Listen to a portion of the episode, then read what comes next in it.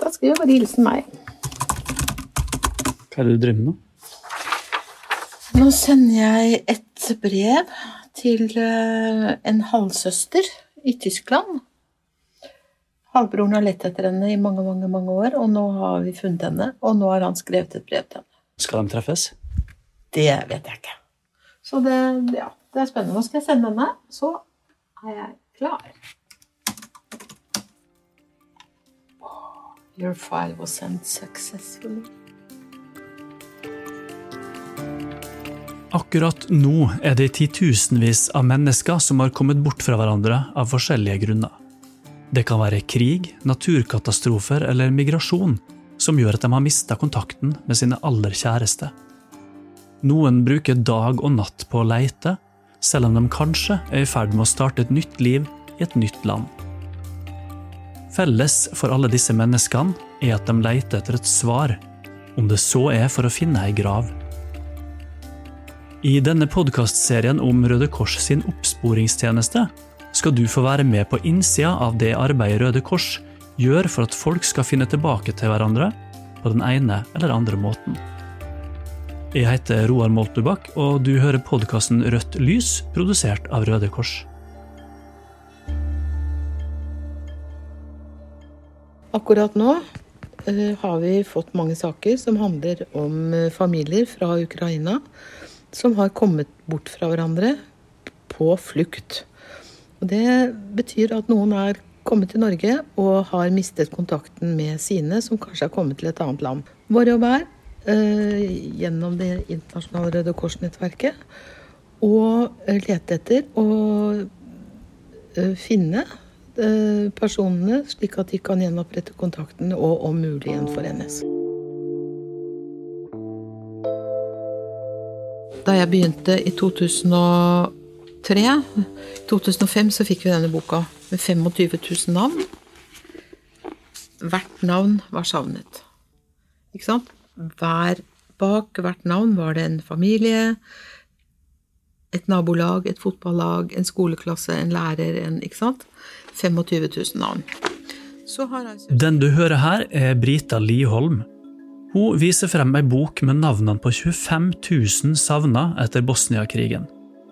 Krigen varte fra 1992 til 1995 og var den største væpna konflikten i Europa etter andre verdenskrig. Rundt 100 000 mennesker døde. Siden boka med de savna ble lagd, har Røde Kors spora opp og identifisert 18 000 mennesker. Like mange familier har dermed fått en grav å gå til. Og nå ser denne listen sånn ut, med 7000 navn. Så ser du forskjellen på tjukkelsen, og så bare tenk deg at det gjelder å aldri gi seg. Brita har jobba med oppsporing i Røde Kors i snart 20 år, og hun har masse kunnskap på feltet. Hun har sett sorgene og fortvilelsen som oppstår når folk mister kontakten med hverandre, og den sorgen har hun sett på nært hold. Men Brita har også fått ta del i den store gleden mennesker opplever når de finner tilbake til hverandre, og lettelsen det gir å finne svar etter mange år. Det er Brita som skal fortelle historiene i disse fire episodene om oppsporing. Eh, opprinnelig så er jeg pedagog eh, og har jobbet med barn eh, i mange, mange år. Og så jobbet jeg med oppvekstmiljø i en av prøvebydelene i Oslo, eh, på Søndre Nordstrand. Og mens vi var der, så eh, skjedde drapene på herr og fru Ceaucescu i Romania. Og så åpnet de barnehjemmene. BBC åpnet det første barnehjemmet, Brinko Venest. Og det tror jeg alle som levde på den tida, husker fra sendingene på TV, hvordan det var. Og da var det jo bare én ting å gjøre, og det var å si at nå må noen andre holde orden på hus og hjem, for nå drar jeg. Og da dro jeg ut for Røde Kors. Hadde, jeg hadde ikke noe Røde Kors-bakgrunn, ikke noe i Påskefjellet og Kvikk Lunsj, men men vi hadde en pediater i bydelen som var nede og kartla hvordan disse barna hadde det, og hva slags type skader de hadde. Eh, og hva slags type tiltak som var eh, first response, da, for å si det sånn. Eh, og da dro vi og jobbet på barnehjemmene der nede i mange, mange måneder. Og sånn fikk jeg på mange måter smaken på Røde Kors-arbeid, for mens vi var der, så begynte jo uroen på Balkan å gjøre seg gjeldende.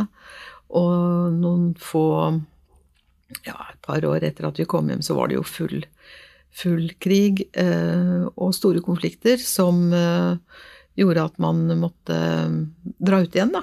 Eh, sånn kjentes det i hvert fall. Litt tilfeldig, Litt tilfeldig. At det plutselig var i Romania i en ekstremt dramatisk situasjon for, for dem som bodde der. For barn og for voksne. For barna. Mm. Ja, og så ble det jo veldig dramatisk i, i eks-Jugoslavia, med oppløsningen av det landet.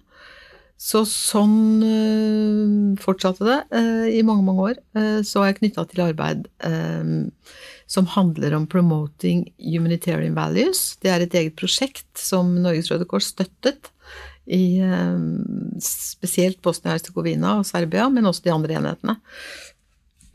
Som jeg fulgte det prosjektet da, i mange år, og det handlet om å få ungdom til å møtes på tvers av grensene. Ungdom som som eh, pga. krigen hadde vokst opp med mye hat og mye motstand mot hverandre. Da. Mm. Og mens jeg var der, så søkte jeg en stilling her, og siden har jeg vært her. Men det jeg så på Balkan, det var jo de som sto i lange, lange køer med små lapper i hendene, med slippersene sine i rain and shine, uh, og ventet på å komme og få snakke med noen som kunne hjelpe dem å spore opp sine kjære. Ja, Oppsporing handler om å gjenopprette kontakt mellom mennesker som har kommet bort fra hverandre. Og dessverre så er det alltid nok å gjøre, for det er akkurat nå 90 millioner mennesker på flukt. Røde Kors finnes i nesten alle land, og de fleste har sin egen oppsporingstjeneste, som jobber sammen med andre land sine Røde Kors-foreninger. De jobber på tvers av folkeslag, politikk og religion med ett mål – å hjelpe folk med å finne svar. Saker som kommer inn til Røde Kors, kan handle om familier som nylig er splitta, og som desperat forsøker å finne hverandre igjen.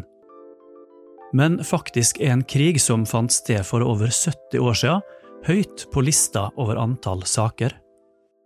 De siste årene har vi altså sett en vanvittig økning av saker fra annen verdenskrig. Og da tenker jo veldig mange men nei, den krigen er vi ferdig med. Men det er vi ikke. Eh, for nå kommer de generasjonene hvor det er eh, litt mer, hva skal vi si, eh, litt mer liberale, har større forståelse for hva som skjedde. En del av sakene handler om norske borgere som leter etter sin tyske soldatfar eller bestefar.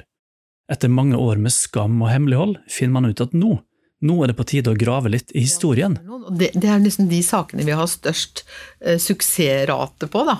Det er faktisk fordi eh, det fins så mye dokumentasjon fra den tiden. Mm. Eh, nå finnes det jo mange land hvor det er uro og konflikter, og hvor er hvor mennesker kommer bort fra hverandre, hvor ingen er registrert. ikke sant? Hvor det er Det fins ikke folkeregister, man registrerer ikke graver eller dødsfall. Sånn at muligheten for å finne en grav å, gå eller reise til i fremtiden er, er ikke der, da. Mm. Sånn at eh, sånn sett så er jo de sakene fra annen verdenskrig en, eh, eh, Og som omfattet mange, mange millioner mennesker. ikke sant? Det er en stor konflikt over mange, mange år. Så vi har mye eh, mange suksesshistorier derfra. Da. Mm. Så jeg lurte på om du kunne fortalt litt om uh, en av de positive historiene med hun som leter etter og ønsker å finne graven til sin tyske far. Ja. ja, for det er jo sånn at ingen av disse historiene er like. Selv om de er innenfor samme tematikk, så, så, så er de jo ikke like. Og de, jo, altså, de er jo preget av eh, uh, disse forskjellige individenes liv og historie. da. Men hun, eh, hun, var veldig ivrig, for hun hadde visste at faren var tysk soldat. Um, så hun hadde både navn, og det hadde aldri vært noe hemmelighet i hennes familie at han var tysk. Uh, og nå skulle de til Tyskland på ferie, og hun ville gjerne besøke graven hans. Og da satte vi i gang litt fort, da. Og hun hadde nok opplysninger til at vi kunne få fort svar. Eh, for det er eh, gode arkiver og, og god dokumentasjon i Tyskland etter eh, det som skjedde med deres soldater under annen verdenskrig. Så vi fant, fikk fort svar fra våre kolleger i Tysk Røde Kors. Og da vi fikk det svaret, så ringte jeg til henne og så, jeg, så sa hun å, så flott, har dere fått funnet ut hvor han ligger, og, og, og det, vi gleder oss til å reise, og vi skal reise om noen uker. Og Og så sa jeg, men hvor er du? Nei, da var hun på vei opp på sykkelen sin, hun skulle på sykkeltur. Så sa jeg, det tror jeg kanskje Jeg tror vi må snakke sammen, så du får gå av sykkelen. Og så fortalte jeg henne det som sto i brev, og det var at uh, faren ikke var begravet noen steder. Han var i levende live og ville veldig gjerne ha kontakt med henne og hadde tenkt på henne i alle disse årene. Så da hadde de altså visst om hverandre i 50 år uten å ta kontakt. Og det er klart at det medførte at hun dro av gårde, møtte en eh, helt ny del av familien som hun ikke kjente til. De hadde det veldig eh, flott, spennende, hyggelig, alt var eh, fryd og gammen. Men samtidig også en, en, en del av den historien hører jo til at det hadde gått så mange år da at de ikke hadde tatt kontakt med hverandre, selv om de visste om hverandre. Mm. Ikke sant? Sånn at det er eh, Det ligger mye i det, så det tok lang tid for henne å venne seg til å ha en far som var i livet, da, for hun hadde alltid trodd at han var gått bort mye, mye tidligere. Men likevel, det er et øyeblikk der når hun får telefon fra deg. Hvordan vil du beskrive den telefonsamtalen og reaksjonen du fikk? Nei, jeg tenker at For oss er det jo også Vi blir jo berørt av det. Og det vi tenker på da, er jo ja, hva skjer hjemme hos dem den dagen rundt middagsbordet? Eh, når barna kommer fra skolen, når mannen kommer fra jobb, eller hun ja, hun kommer hjem fra jobb og skal fortelle dette, da. Um, så det forandrer jo livet til mange. Det er jo ikke sånn at selv om én er savnet, så handler det bare om den som savner. Det handler om hele miljøet rundt. Ikke sant? Det handler om besteforeldre, svigerfar Barna kommer på skolen og har plutselig fått en bestefar i Tyskland. Altså, det er mye å snakke om. Eh, sånn at eh, det forandrer livet til alle, og det, det, tenker jeg man må være oppmerksom på når man gjør dette. Og Derfor så vil vi gjerne snakke med de som initierer oppsporing gjennom oss. Eh, snakke med dem, fordi vi, vi må ha den dialogen, da. Hva de forventer og hvordan de tror vi jobber. Og, ja, så vi forklarer mye rundt det, da, sånn at de vet hva som kommer til å skje. Og at det kommer til å ta tid å få svar. Du har nå hørt del én av fire i Røde Kors sin podkastserie om oppsporing. I neste episode så snakker vi om hvilken kraft det ligger i det å få svar, og du skal få høre om en helt spesiell gjenforening på en togperrong i Norge etter elleve år med stillhet